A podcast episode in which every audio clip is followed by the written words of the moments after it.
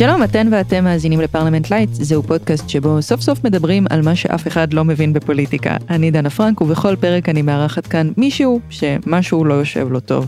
איזה מושג פוליטי ששגור מאוד בשפה, אבל איכשהו אף אחד לא עצר להסביר עד הסוף.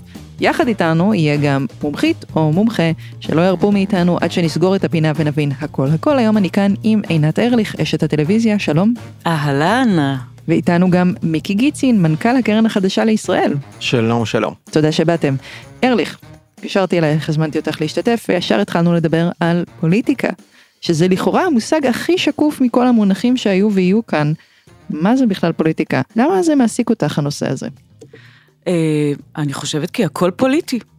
קודם כל, הכל פוליטי, אין שום דבר שהפוליטיקה לא זורמת בעורקיו. ומהצד השני, כמה שזה נוכח, ככה זה שקוף בעצם. אם ניכנס לתחום שלי, אז באמת אצלנו זה תמיד היה כמו משהו שאסור לדבר עליו. זה היה אה, איזשהו טאבו, שאם אתה אומן, אם אתה מתעסק בתקשורת, אם מכירים אותך בחוץ, את הדעות הפוליטיות שלך, תשאיר בבית, במגירה, תסגור אותה עם מנעול, ושאף אחד לא ידע לעולם מהם הדעות הפוליטיות שלך. ובכל זאת את כאילו בשלב די מוקדם השתתפת בקמפיין פוליטי וכן נכון. היית בחוץ עם זה. אני חושבת שכשהשתתפתי בקמפיין פוליטי, קודם כל עוד לא הייתי מפורסמת, הייתי עוד נערה צעירה מלצרית שהשתחררה מהצבא, אה, ואני לא ככה הייתי מודעת לזה שאני עושה קמפיין פוליטי שהוא ישפיע, כי הוא באמת ישפיע, גם הקמפיין הפוליטי הספציפי הזה, מרץ אה, שנת 92, אה, השפיע על, על, על העתיד שלנו, ואני לא ידעתי שזה עומד לקרות, זה לא שאני חלילה עשיתי את זה, אבל הייתי בתוך איזשהו קצת פורסט גאמפ כזה.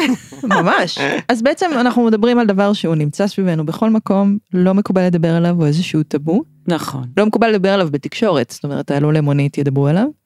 אמ, טוב, אני הולכת לתת איזה הגדרה מילונית קצרה. קדימה. מה זה פוליטיקה. נכון, הכל זה ביוונית, גם פוליטיקה. פוליטיקה זה מצב העיר או ענייני העיר, אני לא ידעתי את זה, אבל לאריסטו היה ספר בשם פוליטיקה, כמו פואטיקה.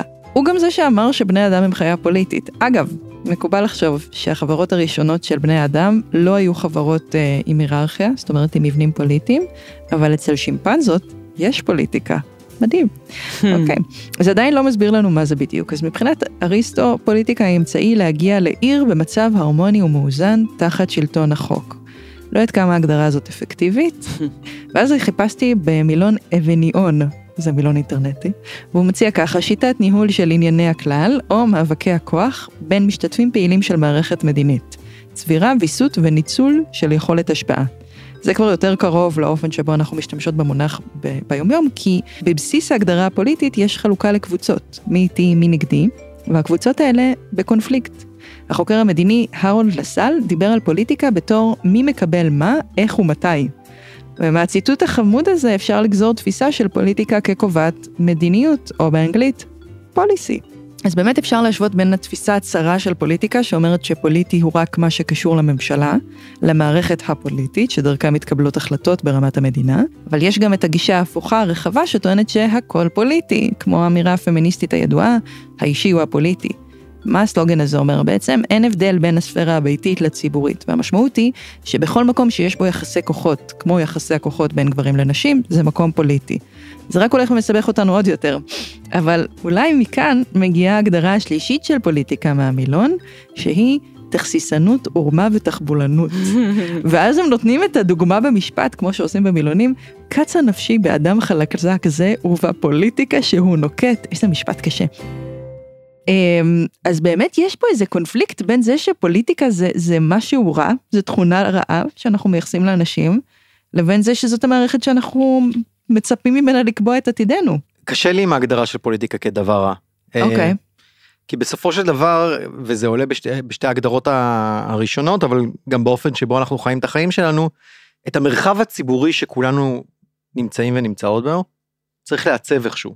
איכשהו צריך לייצר מרחב שבו אנחנו חיים, ולפעמים זה בכוח, ולפעמים זה בהסכמה, ולפעמים זה באיזשהו ניצחון או הפסד וכולי, אבל צריך לעצב מרחב ציבורי. ברגע אתה יוצא מפתח הבית שלך בעצם, ברגע שאתה יוצא מהמרחב הזה, ולפעמים גם בתוך הבית, נכון, יחסים בין אה, בני ובנות זוג וכולי, אבל בגדול, אני, אני רוצה רגע, כי הכל הוא פוליטי, יוצר מצב כזה שאם הכל הפוליטי אז כלום הוא לא פוליטי, כי נכון. הכל וכלום זה ממש כמעט אותו דבר.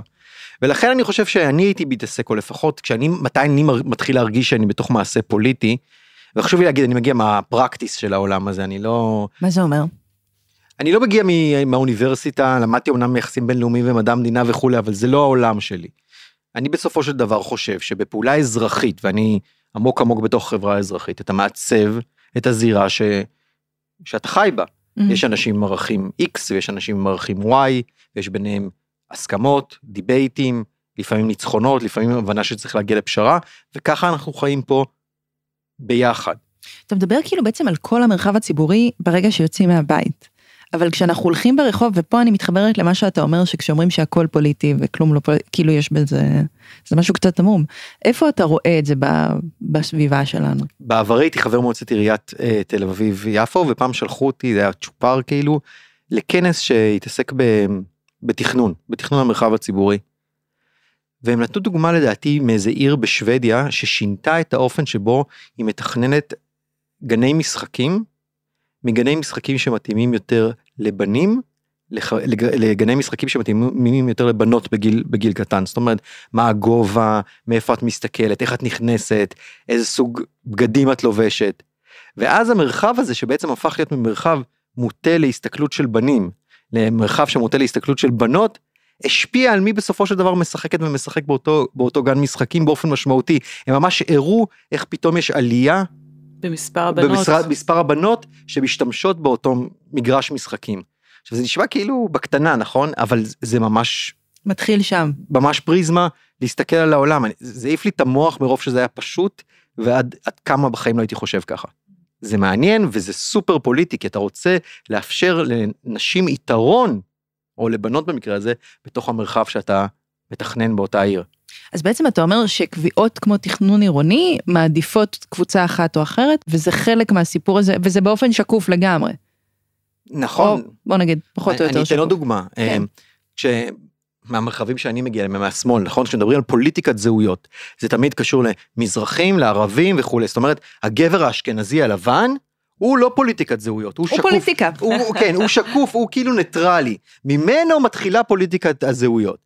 אז, אז יש כאילו מרחב ניטרלי, אבל הניטרליות הזאת היא וואחד כוח פוליטי, היא הבסיס הכוח הפוליטי, ממנו יוצאת הפוליטיקה.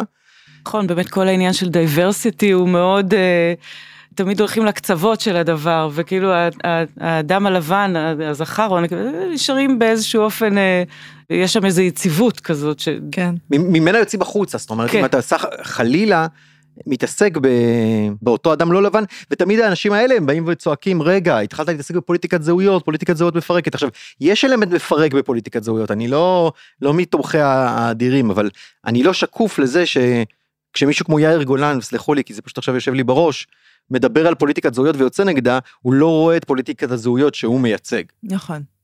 זאת אומרת, יש איזשהו שיח פוליטי שולט ויש שיח פוליטי שמאתגר אותו, ותמיד מה שמאתגר הוא נחשב טיפה יותר רדיקלי, נכון. ועל זה אנחנו מדברים בעצם. זה גם, זה אחד, מה, זה אחד מהזוויות, ונראה לי, אנחנו נתחבר רגע אני ועינת במקומות שאנחנו מגיעים אליהם, כשאומן בא ועומד על במה ואומר את מה שהמיינסטרים הישראלי מצפה או, או חושב, הוא לא פוליטי, כי הוא מייצג את המיינסטרים. ברגע שאת באה ומ- ומביעה עמדה, שהיא בדיוק אותה עמדה, זאת אומרת, היא בדיוק... היא בדיוק עמדה כמו העמדה של אותו אומן, אבל היא מאתגרת את השיח ש- אה, שבו אתה אתה כבר אז הופך או הופכת להיות אדם פוליטי. למה אתם מכניסים פוליטיקה? בדיוק. ברגע שאמרת פלסטיני או פלסטינית אתה כבר הופך את זה לפוליטי אבל ברגע שדיברת תנו לצה"ל לנצח אתה לא פוליטי אתה פטריוט. עינת, את בעצם דיברת איתי גם על, ה, על המחיר שצריך לשלם כשמביעים עמדה פוליטית. כמו שאנחנו יודעים היום, אה, השנים האחרונות הם שנים של אה, רשתות חברתיות, ובאמת אה, מקום לאנשים בכלל, לאו דווקא לאומנים, להביע את דעתם באופן כזה שאף אחד לא... זה לא כתבות בעיתונים שעשינו ראיונות בעיתונים, ואחרי זה בא עורך, ו- ופה באמת אתה אומר את הדברים. וכן, יצא לי אישית בשנים האחרונות, שנות ביבי, שנות קורונה, להביע את דעתי על הרבה מאוד דברים, ובהחלט אתה משלם מחיר, אתה, אתה סופג אלימות שלא הכרת, אה, אלימות קשה. אני מתעצבת גם מזה שחבריי האומנים לא, לא, לא באים לחבק במקום הזה. אני יודעת שאתם חושבים כמוני, אני יודעת שהיום אנחנו חיים אה, במדינה שלכאורה היא דמוקרטית, אבל היא לא דמוקרטית כל עוד אנחנו ב-55 שנות כיבוש. זה לא יכול להיות שאתם יושבים מהצד ומצקצקים צודקת, אבל אף אחד לא אומר את זה באף מקום. ומפה גם שאר העולם מרשה לעצמו להגיב באלימות שהיא יכולה להיות לפעמים מאוד מאוד קשה ומורכבת. ומפחידה. בהחלט. כן. מה, אתה גם חווית לא מזמן את התחושה הזאת, ראיתי אותך מהנהן שם בצד. אני... איפה כולם ולמה אף אחד לא מדבר? כשאני הגעתי לפני חמש שנים לנהל את הקרן החדשה לישראל. בוא נסביר רגע מה זה הקרן כן, החדשה לישראל, אוקיי, לא כולם כן, יודעים. כן. אוקיי. הקרן החדשה לישראל היא בעצם ארגון שהוקם ב-1979 כשותפות בין בזמנו רק יהודים אמריקאים, עכשיו יהודים ממקומות אחרים בעולם גם כן, וישראלים, שרצו לקדם או רוצים לקדם ישראל פתוחה, דמוקרטית, שוויונית. בתחילת הדרך האסטרטגיה שהם יכולו לעשות את זה זה על ידי הקמת חברה אזרחית ישראלית. הרבה מאוד מהארגונים שאתם מכירים היום, לא רק ה...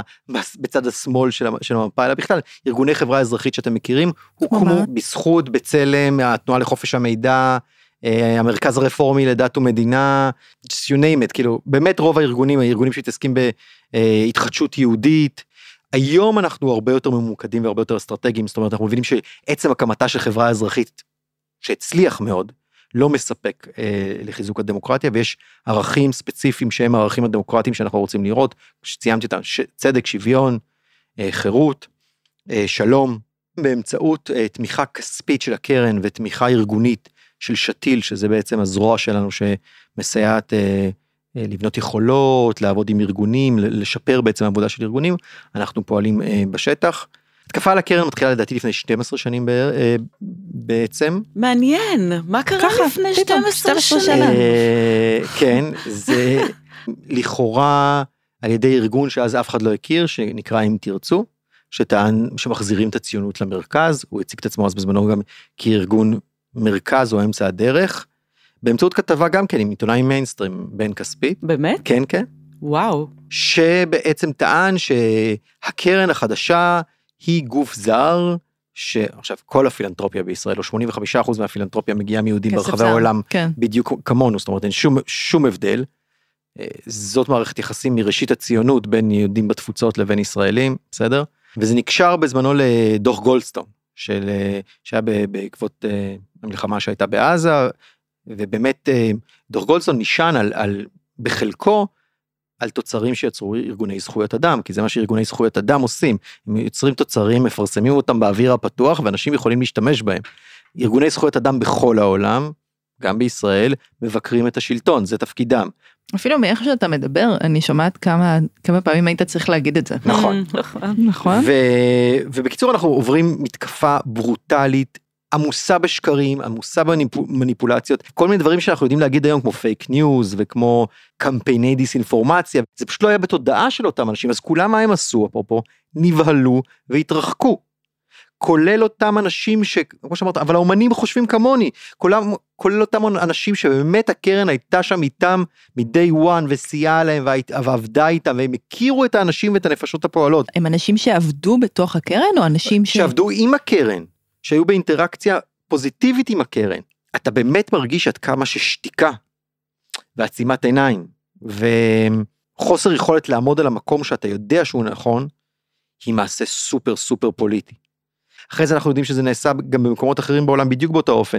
הרגת את הקרן דרך הארגונים שמתנגדים לכיבוש אתה כבר לא צריך להרוג אותה להרוג את ארגוני הלהט"ב כי הם נתמכים על ידי אותה קרן Mm. ואז הם שניהם נמצאים במנגנון דה לגיטימציה מטורף ולכן הקמפיין של מפלגת נועם היום יכול להיות מוציאים את ארגוני הקרן החדשה לישראל ממערכת החינוך מדבר על חושן ואיגי וארגונים שכאילו כאלה או ארגונים פמיניסטיים לכל מיני. אבל הוא ישר צובע אותם בצבעים של מה שכבר מזוהה. כקיצוניות. בעיניך חושן הוא ארגון פוליטי?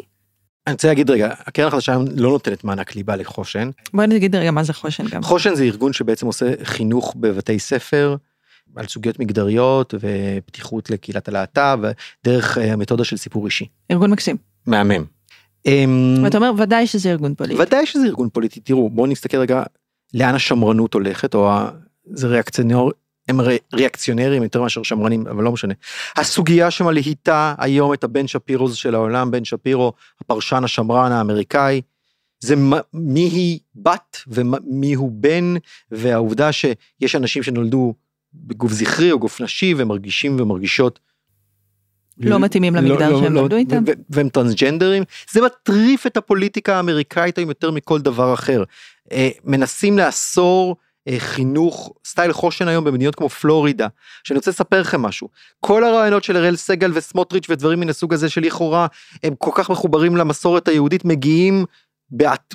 במזרק, בעטינים, מעטינים של השמרנות האמריקאית. זה הנושא הפוליטי הבא של החברה הישראלית. וכבר ראינו הפגנות בהרצליה נגד ילדה שאפשרו לה להיות בהתאמה מגדרית אה, לעצמה. זאת אומרת, אז זה בטח שזה פוליטי. הזכות שלך להיות מי שאת היא סוגיה מגה פוליטית. הזכות שלך להחליט על גופך, זה ב, אם את יולדת או לא יולדת, אם את, מה המגדר המתאים לך, אה, עם מי את חיה את חייך, אם זה גבר או אישה וכולי וכולי, זה סוגיה סופר סופר פוליטית. אחת הבעיות של אותה קהילה, אני חלק ממנה, מותר לי להגיד את זה, והביקורת ש- שלי עליה, זה שהיא הפכה להיות קהילה שעוסקת רק בעצמה ולא לוקחת את הפרספקטיבה הרחבה של להבין שאותו בן שפירו שהיום מתעסק נגד, נגד מיעוטים, מתעסק אחרי זה נגד, נגד טרנסג'נדרים. ממש זה, כמו בדוגמה של הקרן כן. החדשה. זה אותו קו, אותו כן. אותו קו, ולכן כשאתה חלק מקבוצת מיעוט, לא משנה איזה קבוצת מיעוט, אתה מחויב לזכויות ו- ושוויון של כל- המיעוטים. לא, זה לא אומר שצריך לקבל את כולם, כאילו ל- להסכים עם כל הרעיונות שעומדים מאחוריהם, אבל התודעה הזאת של להיות חלק מקבוצת מיעוט ולהשתמש בעוצמה שלך לטובת כולם, בסוף זה הפוליטיקה שלי. עינת, את ממש אמרת לי שכשאת התחלת להצליח בטלוויזיה אמרו לך לא לדבר. כן. זה- ממש אמרו. כן, כן, זה, זה היה אה, ממש אה, חלק מהבייבל שאתה מקבל, שאתה פורץ אה, לתודעה הציבורית. יכולה להיות סקסית אם את רוצה, את יכולה, באמת, יכולה להיות הרבה מאוד דברים, אבל פוליטית, לא. זה, אה, תשאירי בבית, אה, זה לא משהו שמישהו רוצה שתהיי חלק ממנו. אבל זה המעשה הפוליטי החזק ביותר. כי מי בעצם מקבל את הבמה? בעלי הון שיש ברש- ברשותם את האפשרות להחזיק באותם ערוצי תוכן, פוליטיקאים שהם בעצם מרחב הכוח, בעצם לוקח את, את, את, את הדבר הכי בסיסי שיש ל, לאומן או ליוצר הרבה הרבה מובנים, את היכולת שלו להביע עמדה במרחב הציבורי, הכוח של אומן או יוצר, הכוח של עינת ארליך לצורך העניין זה, זה המרחב הציבורי שפתוח בפניה יותר מאשר בן אדם שאין בפניו את המרחב, וזו פעולה סופר סופר פוליטית, זו פעולה של השתקה, כדי שקול ספציפי לא יהיה, יקבל את מרכז הבמה, וקולות אחרים עם כוח גדול יותר יקבלו את, יקבלו את אותו מקום, וככה מתעצבת פוליטיקה, מתעצ... פוליטיקה במובן הרחב שלה, במי שמדבר ובמי ששותק, למי שיש את הבמה ואיך הוא משיג את הבמה. אלה מבני, מבני הכוח, זה לא רק 120 חברי כנסת שדנים ועושים talking heads כאלה שיושבים בתוך משכן, אלא השיח הפוליטי מתעצב במקומות הרבה הרבה יותר עוצמתיים, של, של ממי דורשים לשתוק וממי לא דורשים לשתוק. מה כל כך מסוכן בלדעת מה העמדה של המנחה בערוץ 2? בסופו של דבר אה, התוכניות האלה הם ביזנס. נכון. ו- וברגע שהעמדה שלך מייצגת עוד עמדת מיעוט, את מסתכנת שהביזנס הזה יפ- יפסיד אחוזים גדולים מהצופים ש- ש- ש- והצופות שהיו יכולים לצפות בדבר הזה. והביזנס מתקלקל, הביזנס הזה עובד על כמה שיותר אנשים ירגישו יותר בנוח עם, המר, עם, עם המרחב הציבורי שהתוכנית הזאת יוצרת.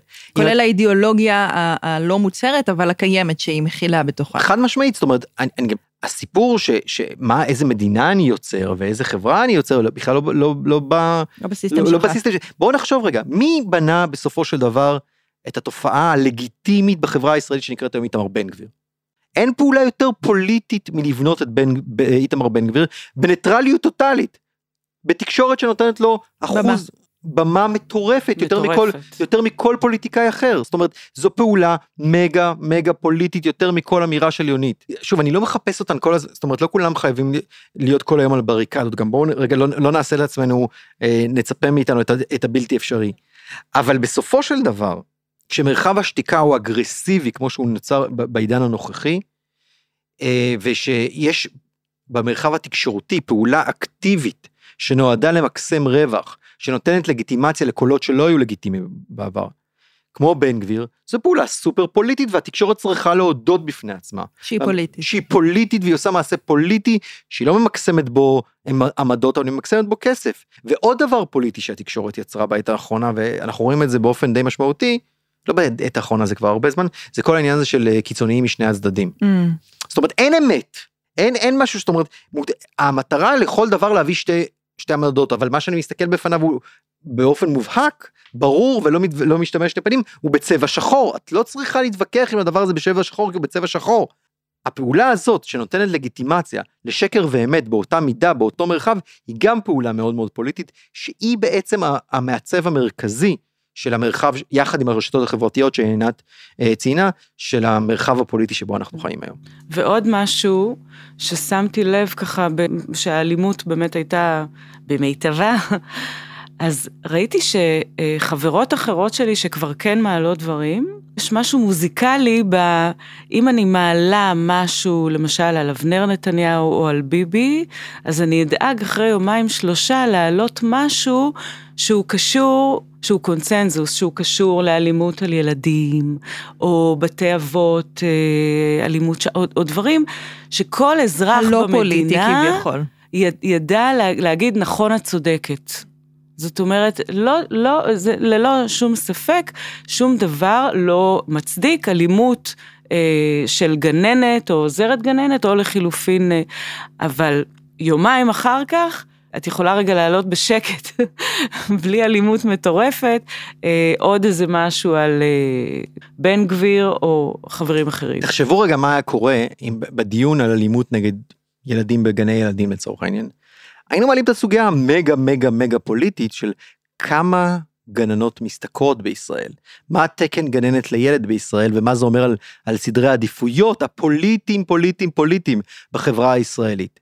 זה היה הופך את הדיון הזה לכאורה, לכאורה למשהו אחר, כשאתה מצביע על בעיה שהיא בעיה ברורה, אבל אתה לא נותן לה פתרון, אתה אומר היא מהשמיים. לא, היא לא מהשמיים. כשאין חינוך 0 עד 3, זו סוגיה פוליטית, זאת אומרת שאין חינוך ציבורי מ-0 עד 3. ולכן אין פיקוח. הבת שלי נמצאת במעון, אה, או לפני ה-0, כאילו היא בתוך ה-0 עד 3, אצל הגנות המדהימות ביותר בישראל, by far. אשריך. כן, אני, הן מדהימות, אבל, אבל הן לא מפוקחות על ידי אף אחת. אף אחת לא, מת- לא מפקחת על הילדים שלנו שמגיל 0 עד 3, מה הם לא ילדים בו? והמדינה פשוט אומרת לא. וזה פוליטי וזה עוד בדיוק. לא, ו- הם עדיין לא ילדים. ותחשבי זה מגה פוליטי אם היית לוקחת את המקרה של כרמל מעודה וכולי והאלימות והדבר הנורא הזה ולא רק היית אומרת. נכון, זוועה, אלא נכנסת לעומק זוועה, הסיפור. זאת אומרת בגלל שהדבר הזה לא מפוקח בגלל שאין מערכות שמממנות את זה בגלל, שהתפיסה הכלכלית חברתית שלנו באה ואומרת הפרטה של הכל כמה שיותר והשוק החופשי יציל את הילדים שלנו מלא יודע מה. זו התפיסה הפוליטית זה המקום שבו הייתי מת שהיינו הולכים עם הדיון על הדברים כאילו רכים ביבי לא ביבי עזבי את האמת כבר אותי זה לא מה אפילו אותי זה, זה פשוט משעמם אותי על אף המקום של נתניהו האישי במתקפה עליי גם לצורך העניין. אבל בואו נדבר על, על הסוגיות. תשמעו הכניסה עכשיו של אייזנקוט אנחנו אם אנחנו מדברים על פוליטיקה בוא נדבר בוא. נדבר על זה, כן. זה, זה כאילו הכניסה הזאת של אייזנקוט למחנה הממלכתי שיש בו אדם שרואה אייזנקוט עצמו טוען שאחד האיומים הכי גדולים על עתידה של ישראל זה מערכת היחסים עם הפלסטינים והמשך והמשך הוא לא קורא לזה הכיבוש הוא אומר הסכנה למדינה דו-לאומית. ומצד שני באותה מפלגה גדעון גד- סער. גדעון סער שניהם אנשים אגב שאני חושב שהם אנשים טובים. אני לא אין לי ביקורת על, על, עליהם. אבל בסופו של דבר הפוליטיקה שלהם היא לא לקבל החלטות. היא בעצם להגיד שאני לא אין לי תפיסת עולם שדרכה צריך לתקן את החברה הישראלית מעבר ל... להיות מנומסים אחד לשני. שתראה, אני חייבת להגיד שזה לא מעט, סליחה, למה? לא, אני, אני, אני כאילו סותרת אותך, אבל אני באמת חושבת שחלק ממה שקרה לשיח הפוליטי בישראל זה מה שקרה לשיח הפוליטי בכנסת. שמעניין אותי כאילו איפה אתם רואים פה סיבה ומסובב, אבל כשאני רואה איך אנשים מדברים במליאה בכנסת, אז ברור שאני לא רוצה להעלות את הנושא בארוחת שישי. אני לא רוצה להיכנס לב... אתה מבין מה אני אומרת? כן, נימוס זה חשוב. וממלכתיות אגב, שזה מושג, מונח ישראלי חשוב, שהוא, ש, שיש פה גם בעיות, אבל לא משנה, זה, זה בן גוריוניסטי לחלוטין, ו, ומי לא ממלכתי זה גם שאלה. אבל בוא, אני מקבל את זה, אני חושב שאי אפשר לקיים חברה בלי מרחב ממלכתי. אבל בסופו של דבר אתה בא לעבודה קשה מאוד, עם ביקורת מאוד קשה מהציבור, כדי לעשות מה? בסופו של דבר אני רוצה לדעת איך יצביעו הפוליטיקאים שלי על הרפורמה בחקלאות, כמו אלון שוסטר או כמו מתן כהנא.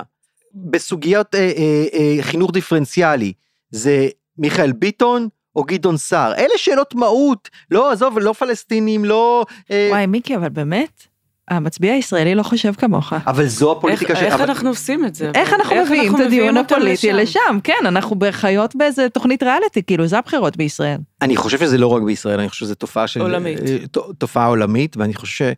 אני יודע שאני לא יודע את התשובה. אה. אבל, אבל אני לא יודע את התשובה, אני חושב שעובדים קשה ולא מוותרים וכולי, אבל, אבל זה סיסמאות.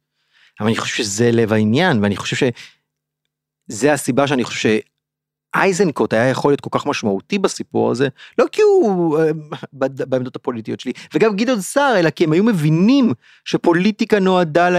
איך אמרנו בהתחלה, לעצב את המרחב הציבורי על פי מאבק ואי הסכמה והסכמה ופשרות בין תפיסות עולם. אבל כשהתפיסות עולם שלך סותרות ואתה אמור להצביע בסופו של דבר ביחד, או שאתה יוצר מפלגות לצורך העניין, אני לא מבקר את זה, אני רק אומר, כמו של יאיר לפיד שיש בסופו של דבר בן אדם אחד שמקבל את ההחלטה וכולם מוכנים להתיישר וזה, זה מה וזה- שקורה. וזה החלטה פוליטית וזה בסדר. אבל במרחב שבו יש כל כך הרבה כוחות חזקים שהם סותרים, מעניין, לפחות זה אתגר פוליטי חדש. כשאתה מסתכל על מה שאנחנו צריכים כדי לנהל את הדיון הזה, ודיברנו פה הרבה כאילו על המקום של אנשי תרבות ועל המקום של התקשורת, מה עוד אנחנו יכולים לעשות? מאיפה עוד יכול לבוא הבסיס הזה לדיון פוליטי יותר מעמיק? אני יכול להגיד שבתחושה שלי אנחנו כן רואים איזושהי התעוררות, אפילו זה שאנחנו עושים את הדיון הזה עכשיו. יש. אמ, ואני כן מרגיש טיפה, וזה כאילו דווקא סותר את מה שאמרתי קודם, נפתח הצוהר, נפתח הצוהר לשיחה פוליטית אה, טיפה פחות אה, אגרסיבית.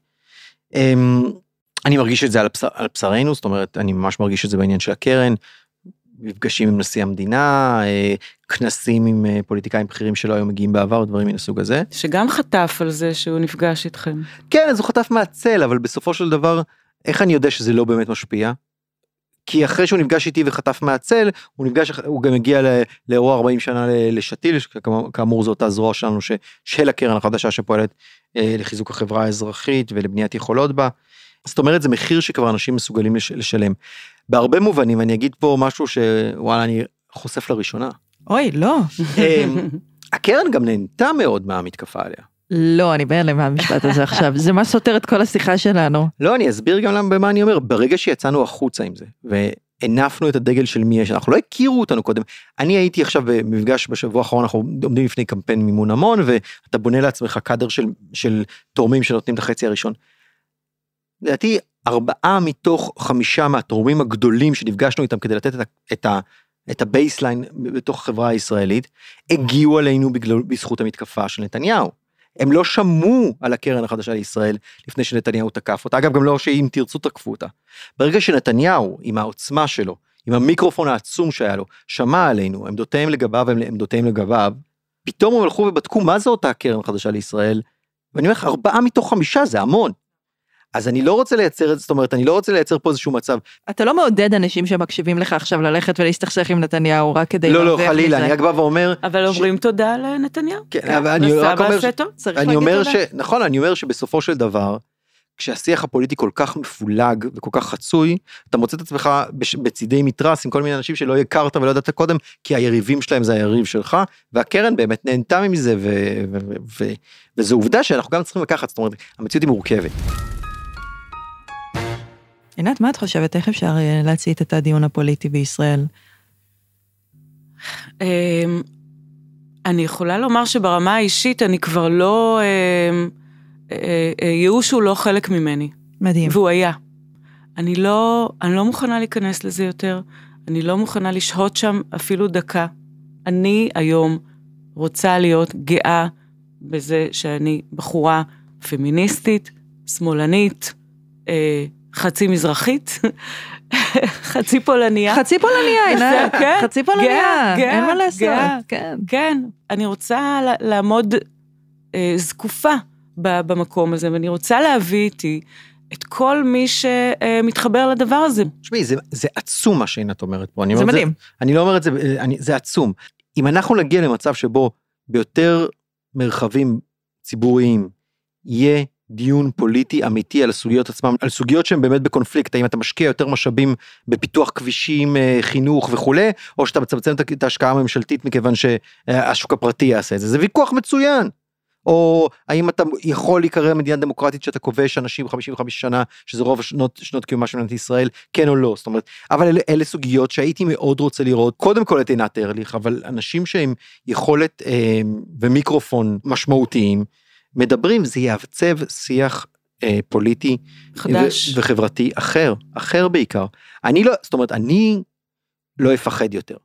באמת במובן הזה אני לא אפחד יותר.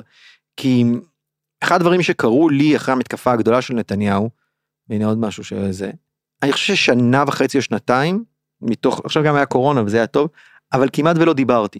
בזירה הציבורית, למצוא את עצמי עוד פעם מתעמת עם, עם uh, חבר הכנסת אמסלם כמו שהיה לי בעבר, או עם uh, כל מיני ריקלין, ו, ולא רוצה, לא רציתי, זה היה אלים לי, זה היה אגרסיבי, זה נכנס לי לתוך החיים האישיים, לא הייתי מוכן לזה יותר. ואני חושב שבמרחב שבו עינת ואנשים כמו עינת נמצאים יחד איתי בזירה, היכולת שלי לבוא ולנהל שיחה גדלה. אני איתך, מיקי. יאללה, בוא נלך על זה. אני איתך ושלך, מתי שתגיד. אני מתייצבת. אבל לא, אבל אני חושב שעשינו פה משהו שהוא די רציני בשיחה הזאת. כאילו, דיברנו על ההשתקה, דיברנו על מה זה פוליטיקה והרחבנו אותה מאשר, את הדיון הזה מאשר נתניהו לא נתניהו מי המנהיג שלנו לסוגיות שהן סוגיות שנוגעים בילדים שלנו ברחוב שלנו בגינת המשחקים שלנו. ודיברנו לא רק על הכוח של המילים אלא גם על הכוח של השתיקה וזה הרבה מאוד ביחד. אה, האמת שזה נקודה ממש טובה לסיום השיחה. הייתה שיחה מאוד טובה. מאוד מרגש היה בעיקר. היה מרגש. יאללה, יאללה מרגש. לא, פוליטיקה זה דבר מאוד מאוד מרגש, אני חייב להגיד, אה, ניצחו, זה, לא, לא יודע, מרגש, מפוצץ אמוציות. תודה רבה רבה שבאתם, מאוד נהניתי לדבר איתכם. תודה לך. תודה רבה. האזנתם לפרלמנט לייט, אני דנה פרנק, מפיקת הפרויקט היא מור אזולאי מג'וס. עורך הסאונד הוא אסף רפפורט. הקלטנו את הפרק הזה באולפני ג'אפה עם טכנאי ההקלטה אלי גורן. תודה שהאזנתן, ותודה שהאזנתם.